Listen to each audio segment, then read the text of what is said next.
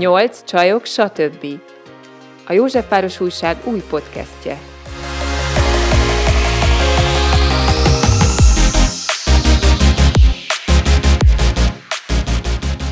Sok szeretettel köszöntjük a nyolc csajok, stb. hallgatóit. Köszönjük szépen, hogy itt vagytok velünk. Az ígértek szerint a mai műsorban folytatnánk az otthonszülés témáját. Pontosabban a műsorunk címe az volt, hogyan legyen a szülés élmény. És itt ül velünk, akár csak múltkor, Novák Julianna perinatális szaktanácsadó, most személyesen is itt van velünk Gellik Zsuzsanna szülésznő hallgató. Új szereplőként csatlakozott Pitarócki Eszter, aki amellett, hogy három gyerekes édesanyja, korábban dúlaként is működött. A korábbi adásunkban tisztáztunk olyan fogalmakat, mint dúla, bába, szülésznő, Elhangzott, hogy a szülést nem vezetni kellene, hanem kísérni, és minden szülőnő, aki igényli, meg kellene, hogy tapasztalja az empatikus női segítséget, mint amit például egy dúla nyújthat. Szóba került, hogy egyre inkább az lett a jellemző és elfogadott, hogy a szülés medikalizált körülmények között zajlik, a császármetszések száma is erősen nőtt, országosan 40%-os. Kitértünk rá, hogy a szülőnők nagy része félelemből dönt az operáció mellett, aki viszont szeretné megélni, hogy a saját erejéből képes világra hozni a gyerekét, annak keresnie kell egy olyan támogató közeget, aki tudja, milyen is a természetesen szülni. Zsuzsi saját tapasztalata alapján úgy summázta a kórházi szülések jó részét, hogy ott a fókusz eltolódik az anyáról és a gyermekéről. Kiemelte, nem feltétlen arról van szó, hogy a beavatkozások, amik történnek rosszak, hanem arról, hogy a szülőnővel nem kommunikál a stáb, nem vonják be a döntésekbe, nem magyaráznak, tárgyként kezelik. Holott a szülés élményt a nő körüli szakemberek viselkedése, bánásmódja, tisztelete határozzák meg. Nem jutott viszont időnk legutóbb arra, hogy a lelki oldalra, nőiség oldalával mélyebben foglalkozzunk, illetve magával az otthonszülésnek az élményével, folyamatával, úgyhogy azért hívtuk most el Esztert, hogy ő is elmesélje a saját szülés élményét, úgyhogy most erre kérnénk, hogy foglald össze, hogy neked milyen tapasztalataid voltak az otthonszüléssel. Annyit még hagyáruljak el, hogy Eszter mindeközben úgy csinálja ezt, hogy ringatja éppen a lassan egy hónapos kisbabádat? Most volt tegnap három hetes pontosan. Nagykorú már. Mesélsz nekünk az otthonszülésedről? Hogy jutottál el odáig egyáltalán, hogy otthon szüljél, és milyen élményekkel gazdagodtál? Én lassan kilenc éve szültem az első gyerekemet otthon, és úgy éreztem, hogy, hogy szeretnék háborítatlanul szülni, mert anyukám nagyon sokat mesélt a saját szülésélményéről. Neki egyetlen gyereke van, és neki ez, ez nem volt egy túl szép élmény a Péterfi kórházban. Indított szülése volt, mindenfélevel fűszerezve, oxitocinos indítás, burokrepesztés, hasba könyöklés, erőltetett kitalás, gátmetszés. Ez mindig ilyen horror számú ment ez a történet.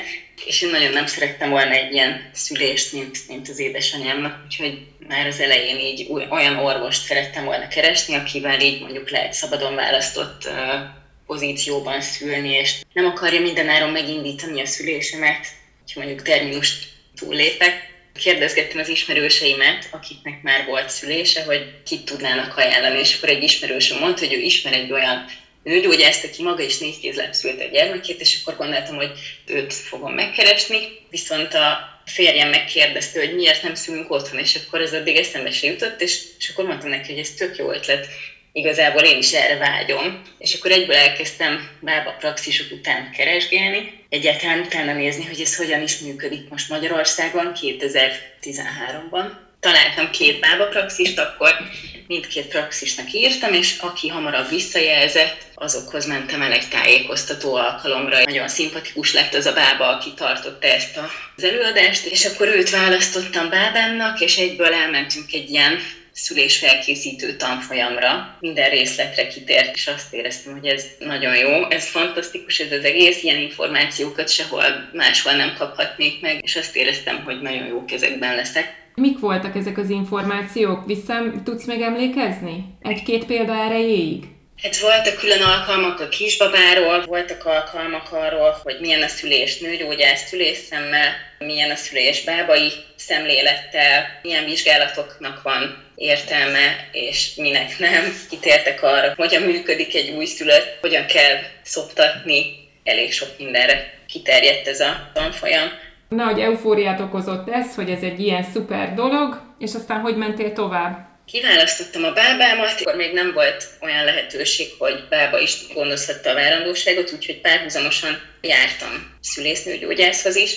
Rengeteg ultrahangon vettem részt, annak ellenére, hogy tudtam, hogy igazából ez annyira nem tesz jót a babának, vagy annyira nem szereti. És akkor elérkezett a kiírt terminus napja, és akkor nem indult be a szülés, akkor a szülésznőgyógyásznő teljesen elkezdett izgulni, hogy úristen, akkor most mi lesz. Ő akkor innentől leveszi rólam a kezét, mert hú, ez már terminus túllépés, és ő ezt innentől már így nem tudja vállalni. Ő tudta azt, hogy te arra készülsz, hogy otthon szüljél? Igen, tudta, és el is fogadta, viszont azt sem támogatta, hogy így terminus túllépéssel én nagyon sokat várjak otthon, de egyébként a vizsgálatok azok így rendben voltak, vagy az ultrahangok meg a CTG-k alapján így nagyon jól volt a baba. Tíz nappal a kír terminus után indult el az én kis babám, spontán, urokrepedéssel indult ez a szülés. Elég hosszú szülés volt, így urokrepedés pillanatában még nem is nagyon voltak kontrakcióim, hanem utána ilyen fél nappal kezdődtek el és aztán alább hagytak, aztán megint egy ilyen körülbelül 6-8 óra múltba kezdődtek újra az összehúzódások, délutántól estig egészen felerősödtek, és akkor éjszaka egy órakor meg megszületett, ilyen 9 óra körül hívtam a bábáimat, akkor már tényleg nagyon-nagyon előre haladott állapotban volt. Igen, körülbelül onnantól kezdve 4 óra volt, hogy megszületett. És milyen élmény volt ez? Hát ugye iszonyatosan kifáradtam, de egyébként fantasztikus volt az, hogy ilyen türelemmel vártak, és nem az volt, hogy most burokrepedés, akkor most így azonnal menjünk be a kórházba. Nem ilyet meg senki attól, hogy nekem így leálltak a fájásaim, vagy az összehúzódásaim, hanem bíztattak, hogy ez menni fog, és szépen be fog indulni. Úgyhogy igazából semmilyen félelem nem volt bennem, bár akkor még azt sem tudtam, hogy van ilyen protokoll, hogyha 12 órán belül nem indul be burokrepedés után a szülés, akkor kórházba kell menni de minden nagyon, nagyon szépen alakult, a magzatvíz az végig tiszta volt, azt is megtanultuk ezen a szülésfelkészítő tanfolyamon, hogy mire kell odafigyelni, hogyha korai burokrepedés van. De szerencsére minden rendben volt végig, a szívhang is. Bábáim mindig megkérdezték, hogy megvizsgálhatnak-e, szerintem összesen két-három hüvei vizsgálatnál több nem történt, és egyáltalán nem volt fájdalmas. Nagyon finoman végezték ezeket a vizsgálatokat, és mindig a beleegyezésemet kérték, hogy szeretném egyáltalán, hogy megvizsgáljanak. Most, amikor szültél, akkor te már rutinszerűen szültél, akkor tulajdonképpen otthon? Már tudtad, hogy mi fog történni? A harmadik szülésem is otthon zajlott volna, legalábbis ez volt a terv, de aztán máshogy alakultak a dolgok. Most ennél a szülésemnél is az volt, hogy megrepett a burok, viszont magasan repett a burok, és, és szivárgott a magzatvíz, és sajnos nem volt tiszta, és emiatt aztán kórházba kellett menni de így már nem lett volna biztonságos otthon kivárni a szülés beindulását. A második szülésem az teljesen flottul ment, az gyors volt, könnyed, nagyon röviden ennyi. Nagyon Úgyhogy három köszönjük. nagyon különböző élményben volt részem.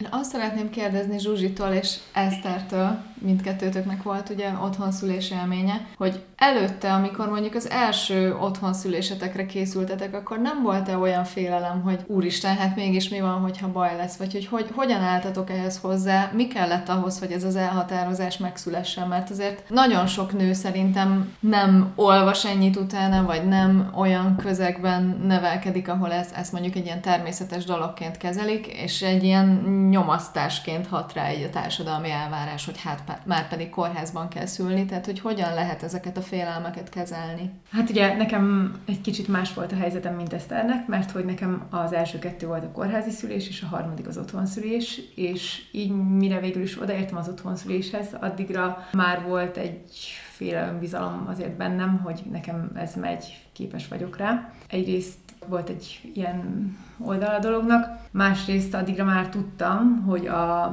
biztonság az nem helyszínfüggő, tehát a biztonság kulcsa az nem a szülés helyszíne, hanem sokkal inkább a gondoskodás minősége, vagy a gondoskodás fajtája, amit egy nő kaphat. Így tudtam, hogy nem azon fog múlni, hogy az a kórház az két vagy három percre van tőlünk, hanem azon, hogy mennyire figyelnek rám, és mennyire veszik időben észre azt, hogyha bármi olyan jel van, ami azt jelenteni, hogy, hogy jó, hogyha közelben van egy műtő vagy egy orvosi segítség. Elsősorban uh-huh. akkor így a, a saját magadba vetett hit az, ami segített. Ez az első szülés előtt szerinted meg tudott volna lenni, hogyha kellő információkkal rendelkezel? Hát ha kellő információkkal rendelkezek, akkor, akkor biztosan, de abban a formában úgy, ahogyan történt az az első szülésem, úgy, úgy nem gondolom. Érdekes, vagy lehet, hogy nem is érdekes, de ugye statisztikák is mutatják, hogy a legtöbb beszállítás, a legtöbb kórházba szállítás az mindig első szülőknél van, és biztos, hogy ez nem véletlen, bár megmondom őszintén, hogy nem ástam nagyon mélyre magamat ebben a témában, hogy ez pontosan milyen okok miatt van, de ez, ez igaz volt. Hát lehet ez csak egy ilyen fé- félelem az ismeretlentől, Mindenképpen, nem? mindenképpen igen, de biztos, hogy így az élettani anatómiai dolgokkal is magyarázható. Neked voltak félelmeid, Eszter? Igazából nekem csak a kórháztól voltak félelmeim, még egészen az utolsó szülés előttig is aztán szerencsére ezeket el tudtam engedni, de egyébként én teljesen magabiztos voltam, így tudtam, hogy meg fogom tudni ezt a gyereket szülni, és bíztam benne, hogy ez sikerülni fog otthon. Szerencsére akkor még nem tudtam, hogy az először szülőknek tudom én, 30%-a kórházban fejezi be a szülését. Biztos szerintem ez sokat segített abban, hogy így elhittem, hogy ezt nem tudom csinálni.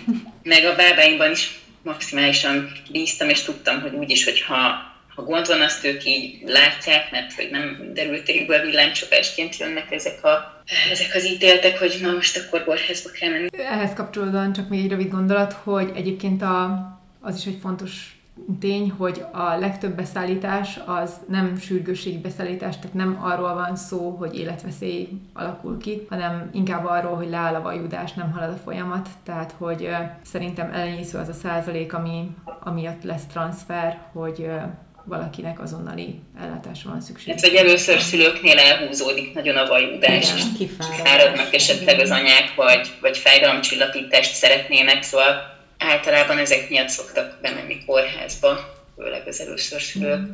És tulajdonképpen mik a feltételei az otthonszülésnek, Jula? Hú, hát ennek nagyon sok feltétel le van, és erre van egy rendelet, ami megjelent, tehát azt az szép hosszú, tehát hogy én azt most itt nem, ha elkezdeném felsorolni, de nem is tudom felsorolni mind fejből, akkor véget érne az adás. Szóval, hogy... Néhány ilyen alapvető igen, példát igen, nagy van. Hát például annyi, hogy 18 évet be kell tölteni, és 40 évnél nem lehet idősebb az anya, ha az első gyerekét szüli. Ha többedik gyerekét, akkor már lehet 40 éves, mondjuk a 18 alatt ez nem valószínű. Kinek kell ott lennie vele? És két, az, aki két ott... bábának kell ott lennie, tehát ez nagyon fontos, hogy, hogy ketten legyenek. Ez egy biztonsági tényező, mert mi van, hogyha az egyik bábának éppen valami olyan dolga van az anyával, de a babának is szüksége lenne segítségre. Tehát, hogy mindenképpen kell, hogy ott legyen egy másodbába, tehát mind a kettőnek szakképzetnek kell lennie, és aztán azon kívül az anya dönti el, hogy ki mindenkit szeretne még maga mellett tudni. Van, aki az egész családját, és fesztivált csinál a szüléséből, és van, aki meg a bábákat se szeretné, csak tehát, hogy legyen ott a közelbe, de hogy ő elvonul egy sötét kis zugba, és szeret egyedül lenni.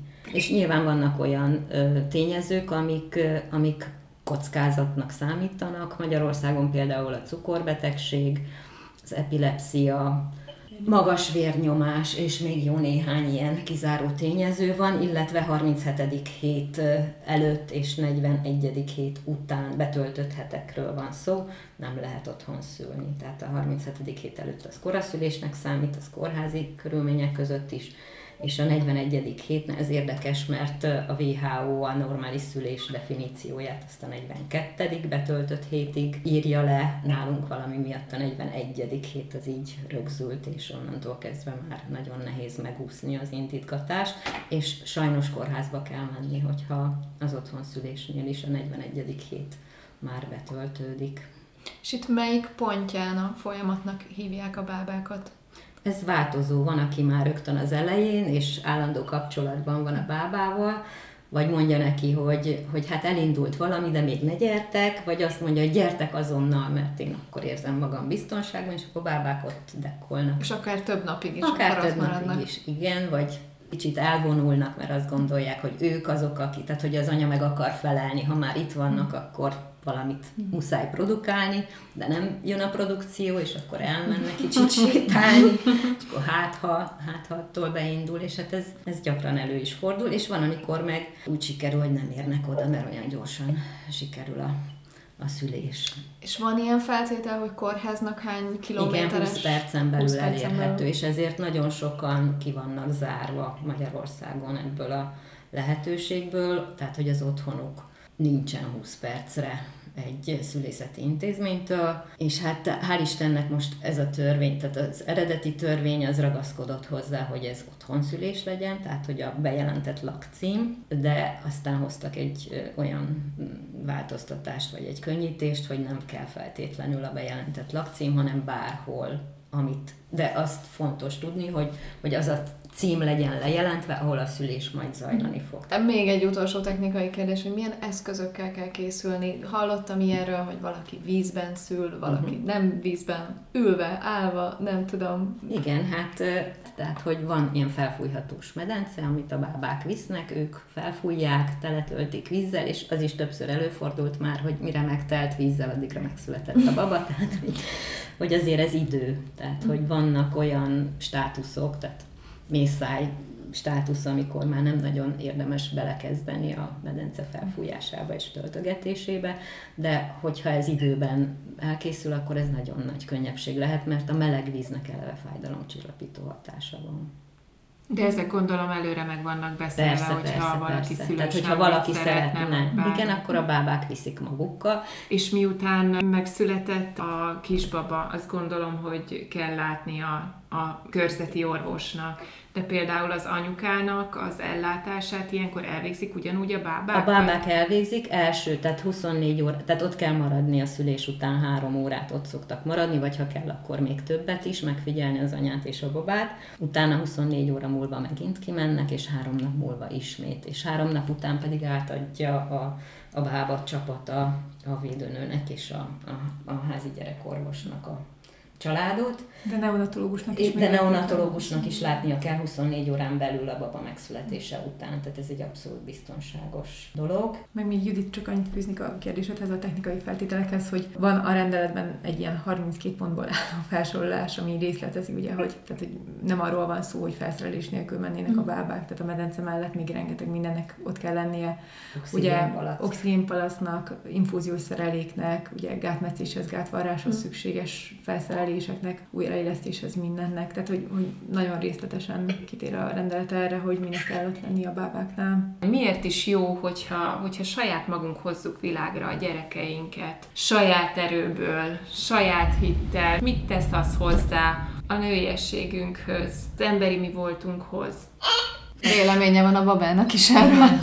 mit tesz hozzá az anya-gyerek kapcsolathoz? Igen, és mit tesz hozzá, hogyha az embernek lányai születnek, mert Eszternek három kicsi lánya van, tehát hogy mit ad tovább. Ugye azt elmesélte, hogy az édesanyjának ez egy nagyon traumatikus élmény volt, mindenféle beavatkozással, és hogy annyira sokszor elmesélte, hogy hogy feldolgozza, aztán nem tudjuk, hogy sikerült-e, de hogy az Eszter már fordított ezen a tradíción, vagy ezen a módon, és hát megmutatta a lányainak is, hogy lehet ezt másképp is csinálni. Tehát ez, ez a hit. Én azt gondolom, hogy a, a női erőben való hit, hogy arra vagyunk kitalálva, hogy gyerekeket szüljünk, és hogy a testünk tökéletesen képes erre, és nyilván vannak a természetnek furcsa, véletlen dolgai, de hát a nagy számok azt mutatják, hogy erre a nők képesek, bár ezzel a sok-sok császármetszéssel az úgy tűnik, hogy, hogy átadódik egy olyan információ, ami, amitől a nők már elkezdik nem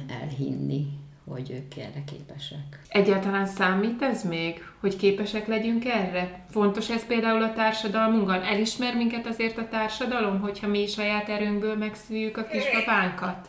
Ez jó kérdés. A társadalomnak egy része biztos nagyon is örül ennek, és, és csodálattal adózik azoknak az anyáknak, akik, akik ilyen módon adnak életet a babáiknak, és vannak, akik azt mondják, hogy mit kell ezen annyit rugózni, itt a császármetszés, itt a modern orvostudomány, majd megoldjuk. Csak kérdés, hogy, hogy mit szól ehhez a természet. Egy csomó olyan dolog kivész, vagy elvész ebből a folyamatból, ami nagyon sokat tudna adni, mind kapcsolati szinten, mind fiziológiás szinten az egészség szempontjából. Tehát nagyon fontos, hogy a későbbi egészségkarrier és most itt csak a biológia vagy a fiziológiát nézzük szempontjából, nagyon fontos, hogy hüvely úton történjen a szülés. És tudsz itt mondani konkrétumot, hogy milyen hátrányai vannak mondjuk a császárral való szülésnek hát az például, hogy nem, ha nem jut át az anyai szülőcsatornán a baba, akkor nem tud kolonizálódni az anyai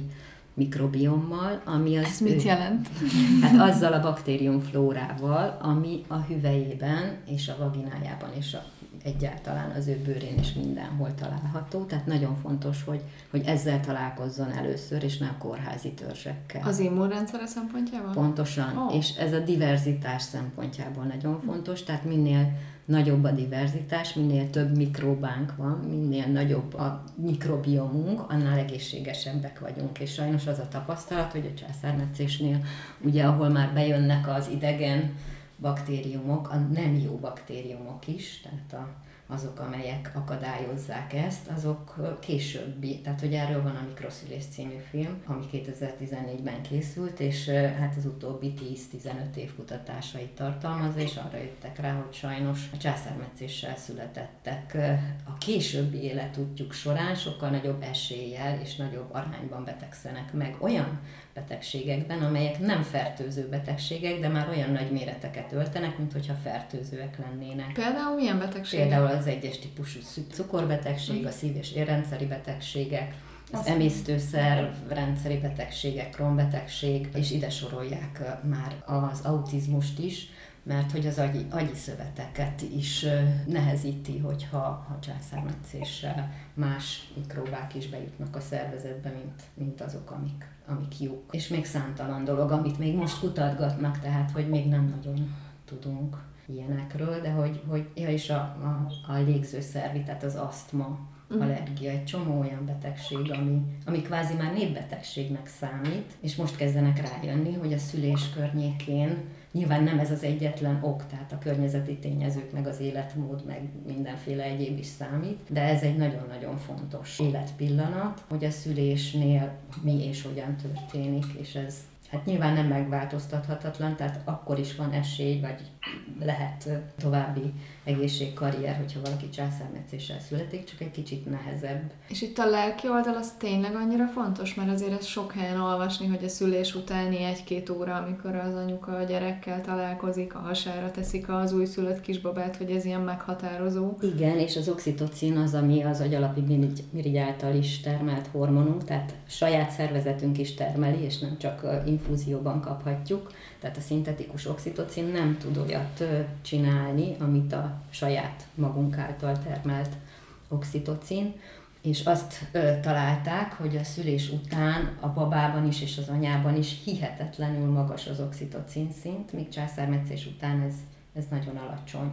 És az oxitocin felel a kötődésért, tehát ez egy szeretett hormon, és az indítja be azt a fajta anyai gondoskodó viselkedést, amire szükség van ahhoz, hogy hát most nyilván nem az őserdőben élünk, élünk meg a barlangban, de hogy az anya gondoskodjon a babájáról, és hogy a sírását azt ne tehát saját maga ellen érzett támadásként értékelje, hanem az úgy értékelje, hogy gondom van vele. Tehát, hogy hogy gondoskodnom kell róla, meg kell nyugtatnom a babámat, vagy meg kell etetnem. Érted? Tehát egy gondoskodó Igen. viselkedést. De ezt úgy kell elképzelni, hogy ha valaki mondjuk császárral szül, akkor ez a folyamat csak nehezebben és később indul el, vagy okozhat ilyen végső károkat, amik mondjuk helyrehozhatatlanok. Lelkileg értem most, mert... A... Hát most már azt is tudjuk, hogy a szeparáció volt az igazándiból, nem csak feltétlenül az császármetszés, de a császármetszésnél meg a szeparálták anyát és babát hosszú órákra, néha napokra is. Tehát, hogy hogy a hüvei szülés után az lenne az igazi, hogyha a baba megszületik, egyből az anya melkasára kerülne, bőr-bőr kontaktusba pucérjon a baba. Ez császármetszésnél nem nagyon szokott megvalósulni, mert hivatkoznak rá, hogy a műtőben ugye légkondi van, hűvös van, ezt nem lehet sokáig csinálni, pedig meg lehetne oldani ott is. Úgyhogy ezért handicapesek a a császárral született babák, de utólagos bőrbőr kontaktussal is nagyon jól lehet ezt kompenzálni, meg nagyon fontos utána a szoptatás. Tehát az anyatej még az, amivel a mikrobiomot lehet mm. tovább, vagy a, az immunrendszer tovább lehet érlelni. Az előző adásban mondtad azt, azt hiszem, hogy aki császárral születik, vagy aki nem hüvei úton jön világra, neki a megküzdési technikái sínylik ezt meg. Hát ez sem tótum faktum, mert lehet egy császármetszés, egy megkönnyebbülés egy baba számára, és egy hüvei szülés is lehet nagyon küzdelmes. Ezt nem tudhatjuk, tehát hogy én találkoztam olyan történetekkel, hogy az anya meg volt róla győződve, és, és fennáll hangoztatta, hogy semmi probléma nem volt a gyerek születésénél, minden nagyon simán ment, és tökéletes volt, és fantasztikus.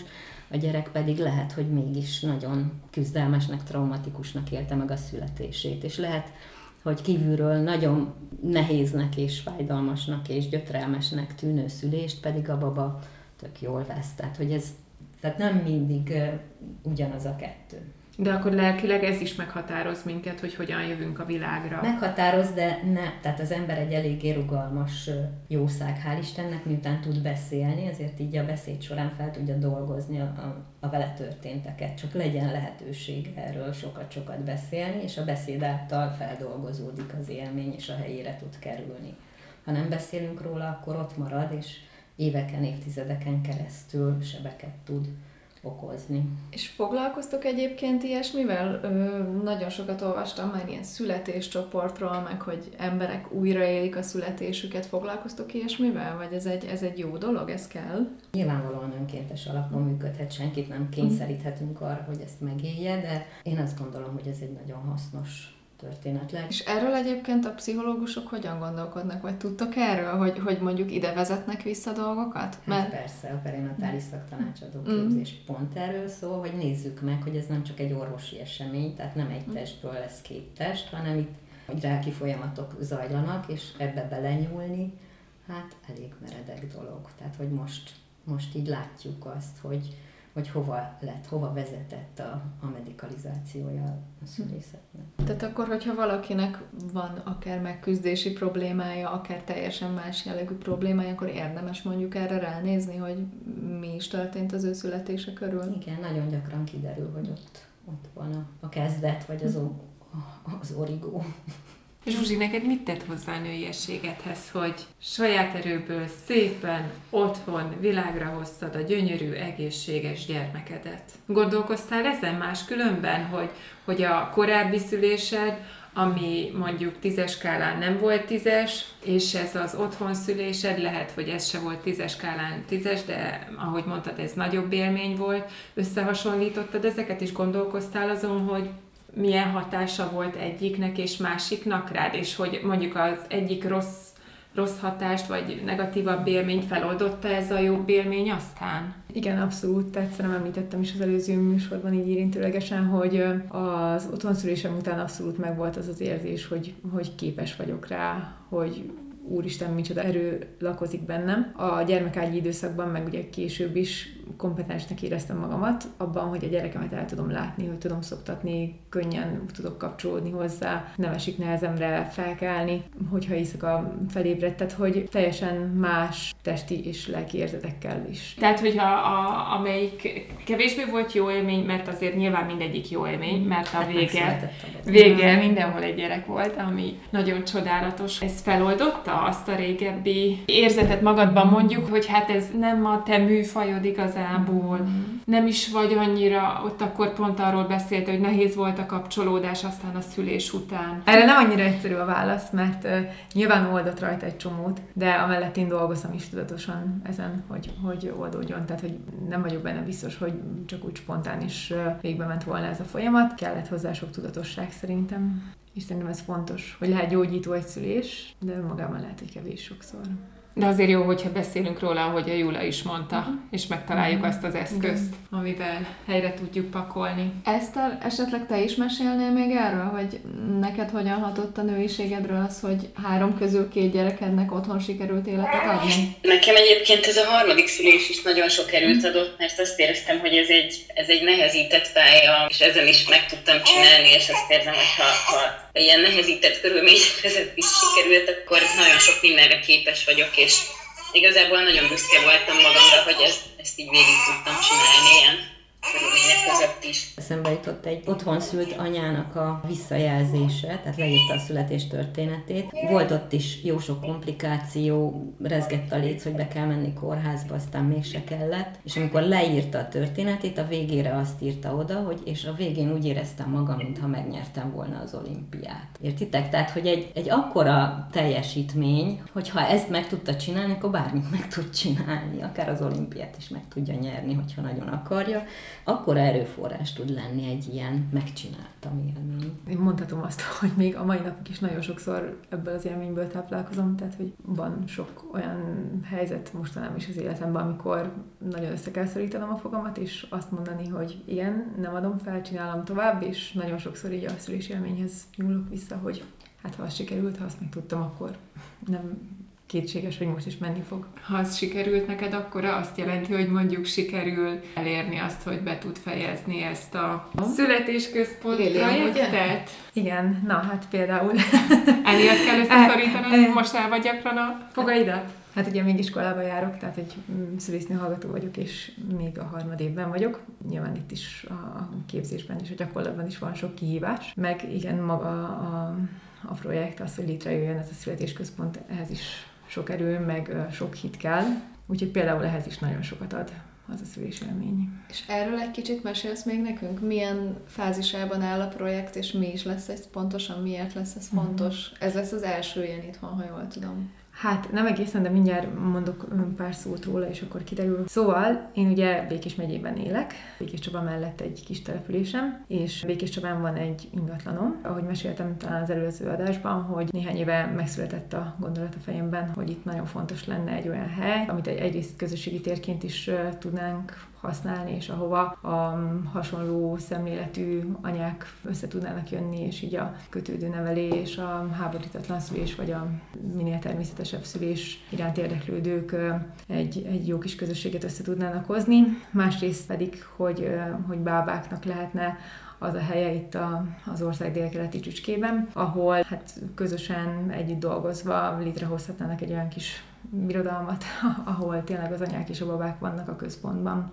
Tavaly tavasszal határoztam el azt, hogy ez most már tényleg nem csak egy ilyen álom szintjén kell, hogy maradjon, hanem hogy belevágok. Ha jól értem, hogy ott lehetne otthon szülni, vagy igen, hát igen, nem igen, otthon, igen, hanem ez egy igen. kb. mint ahogy Angliában vannak ezek az anya otthonok, úgy kell elképzelni, ami itthon születés. Igen, igen, igen, igen, igen. Tehát röviden, ha össze kell foglalni, akkor ez három részből állna ez a születésközpont, lenne ez a közösségi tér része, lenne egy vendégház része, és lenne maga a születés otthon része, ahol szülésznői várandós gondozásra, illetve az intézményen kívüli szülésekre lehetne helyszínt biztosítani. A vendégház azért lehet szükséges, mert hogy sokan vannak Magyarországon is olyan nők, akik nem tudnak megfelelő szülésznői gondozáshoz, illetve hát, szülésznői, vagy szülésznő által kísért szüléshez hozzájutni a, távol, a földrajzi távolságok miatt. A vendégház ugye szállást tudna azoknak a nőknek a számára nyújtani, akik esetleg már a szülés előtt egy messzebbi helyszínről szívesen eljönnének akár egy héttel vagy két héttel ide, hogy ne a szüléskor kelljen indulni.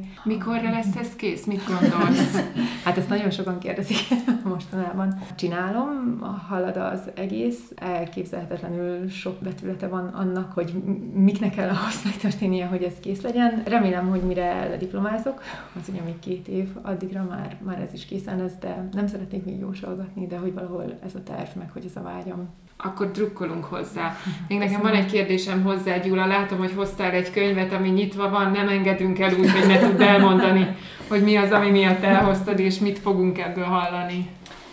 Ez az egyik kedvenc könyvem, rengeteg kedvenc könyvem van, de ezt, amikor múltkor beszélgettünk, akkor eszembe jutott, hogy hogy ebből hozzak idézetet. Ez a könyv, ez Másden Wagnernek az Amerikából jöttem mesterségem címere szülésznőgyógyász könyv a változásért, ez az alcíme. Másden Wagnerről annyit érdemes tudni, hogy a WHO anyagyerek szekciójának volt 15 éven át a az igazgatója. Körbe repülte a földet nem tudom hányszor, Magyarországon is járt többször, több előadást tartott, és nagy híve volt a bábai gondozásnak, tehát hogy a nőközpontú ellátásnak, és nem is tőle szeretnék idézni, hanem az előszót író F. Várkonyi Zsuzsától, aki nekem egyik mesterem kommunikációs témában, és egy orvos, egy bába, és ő maga, igyekszem röviden elmondani, tehát az orvos amerikai, tehát hogy amikor a Zsuzsa Amerikában élt, akkor interjúzott ottani orvosokkal, bábákkal, anyákkal,